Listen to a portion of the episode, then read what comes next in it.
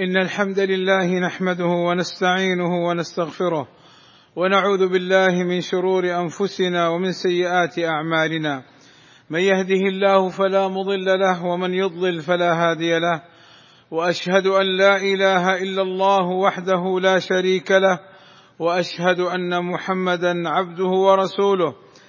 ألا وإن خير الحديث كتاب الله وخير الهدي هدي محمد صلى الله عليه وسلم.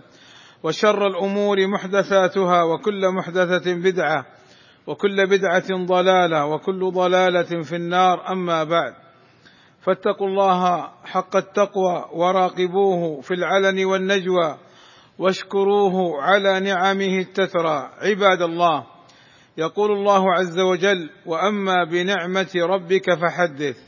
وأما بنعمة ربك وهذا يشمل النعم الدينية والدنيوية فحدث أي اثن على الله بها وخصصها بالذكر إن كان هناك مصلحة. وقال صلى الله عليه وسلم من لم يشكر القليل لم يشكر الكثير ومن لم يشكر الناس لم يشكر الله. والتحدث بنعمة الله شكر وتركها كفر. والجماعة رحمة والفرقة عذاب. ونحن في المملكة العربية السعودية في ظل قيادة الملك سلمان بن عبد العزيز وولي عهده الأمير محمد بن سلمان حفظهم الله تعالى. قد امتن الله علينا بنعم وافرة كثيرة. لا ينكرها إلا حاقد ولا يجحدها إلا سفيه غافل. فالأمن نعمة عظيمة من الله. سببه الاستقامة على كتاب الله وعلى سنة رسول الله صلى الله عليه وسلم. ونحن في المملكة العربية السعودية بفضل الله ثم بفضل ولاة أمرنا نعيش في نعمة الأمن والأمان. ولا نبالغ إذا قلنا إننا نعيش في حفظ الأمن. درجة تفوق دول العالم كافة. والواقع الذي نعيشه وشهادة العلماء الكبار على نعمة الأمن التي نعيشها في هذه الدولة أكبر شاهد. ولكن الحق واضح ظاهر. قال الشيخ العثيمين رحمه الله تعالى بلادنا كما تعلمون ما هي بلاد صغيرة؟ بقعة صغيرة فيها ملايين بلاد شاسعة متفرقة قبائل مختلفة. لولا أن الله عز وجل من علينا بجمع الكلمة على يد الملك عبد العزيز بن سعود كنا متفرقين يتناحرون. الآن يخرج وسيارته مملوءة بالخيرات. وإذا أذن المغرب نزل وصلى والسيارة عند مرمى الحجر أو أقرب ما يخشى إلا الله. لماذا لا نقدر هذا الأمن؟ انتهى. والاجتماع ووحدة الصف نعمة من النعم العظيمة. امتن الله بها على عباده المؤمنين. قال تعالى واعتصموا بحبل الله جميعا ولا تفرقوا. واذكروا نعمة الله عليكم إذ كنتم اعداء فألف بين قلوبكم. فأصبحتم بنعمته إخوانا وكنتم على شفا حفرة من النار فأنقذكم منها.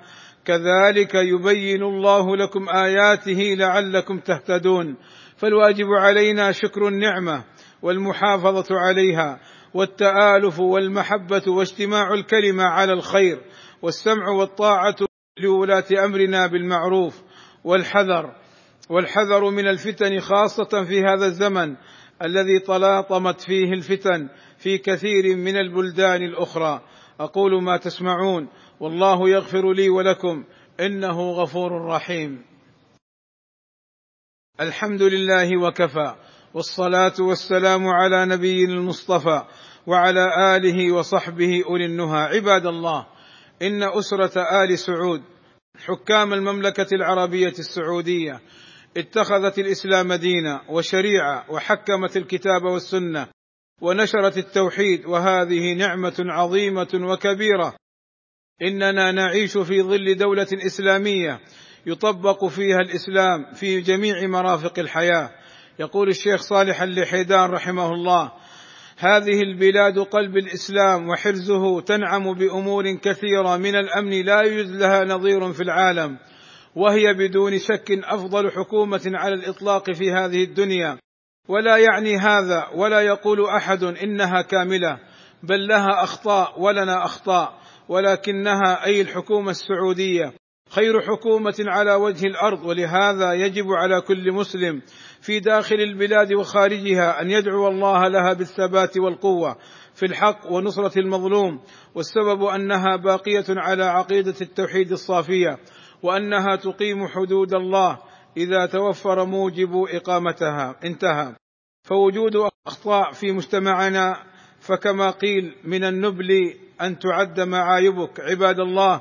يقول المولى سبحانه وتعالى إن الله وملائكته يصلون على النبي. يا أيها الذين آمنوا صلوا عليه وسلموا تسليما. اللهم صل على محمد وأزواجه وذريته كما صليت على آل إبراهيم.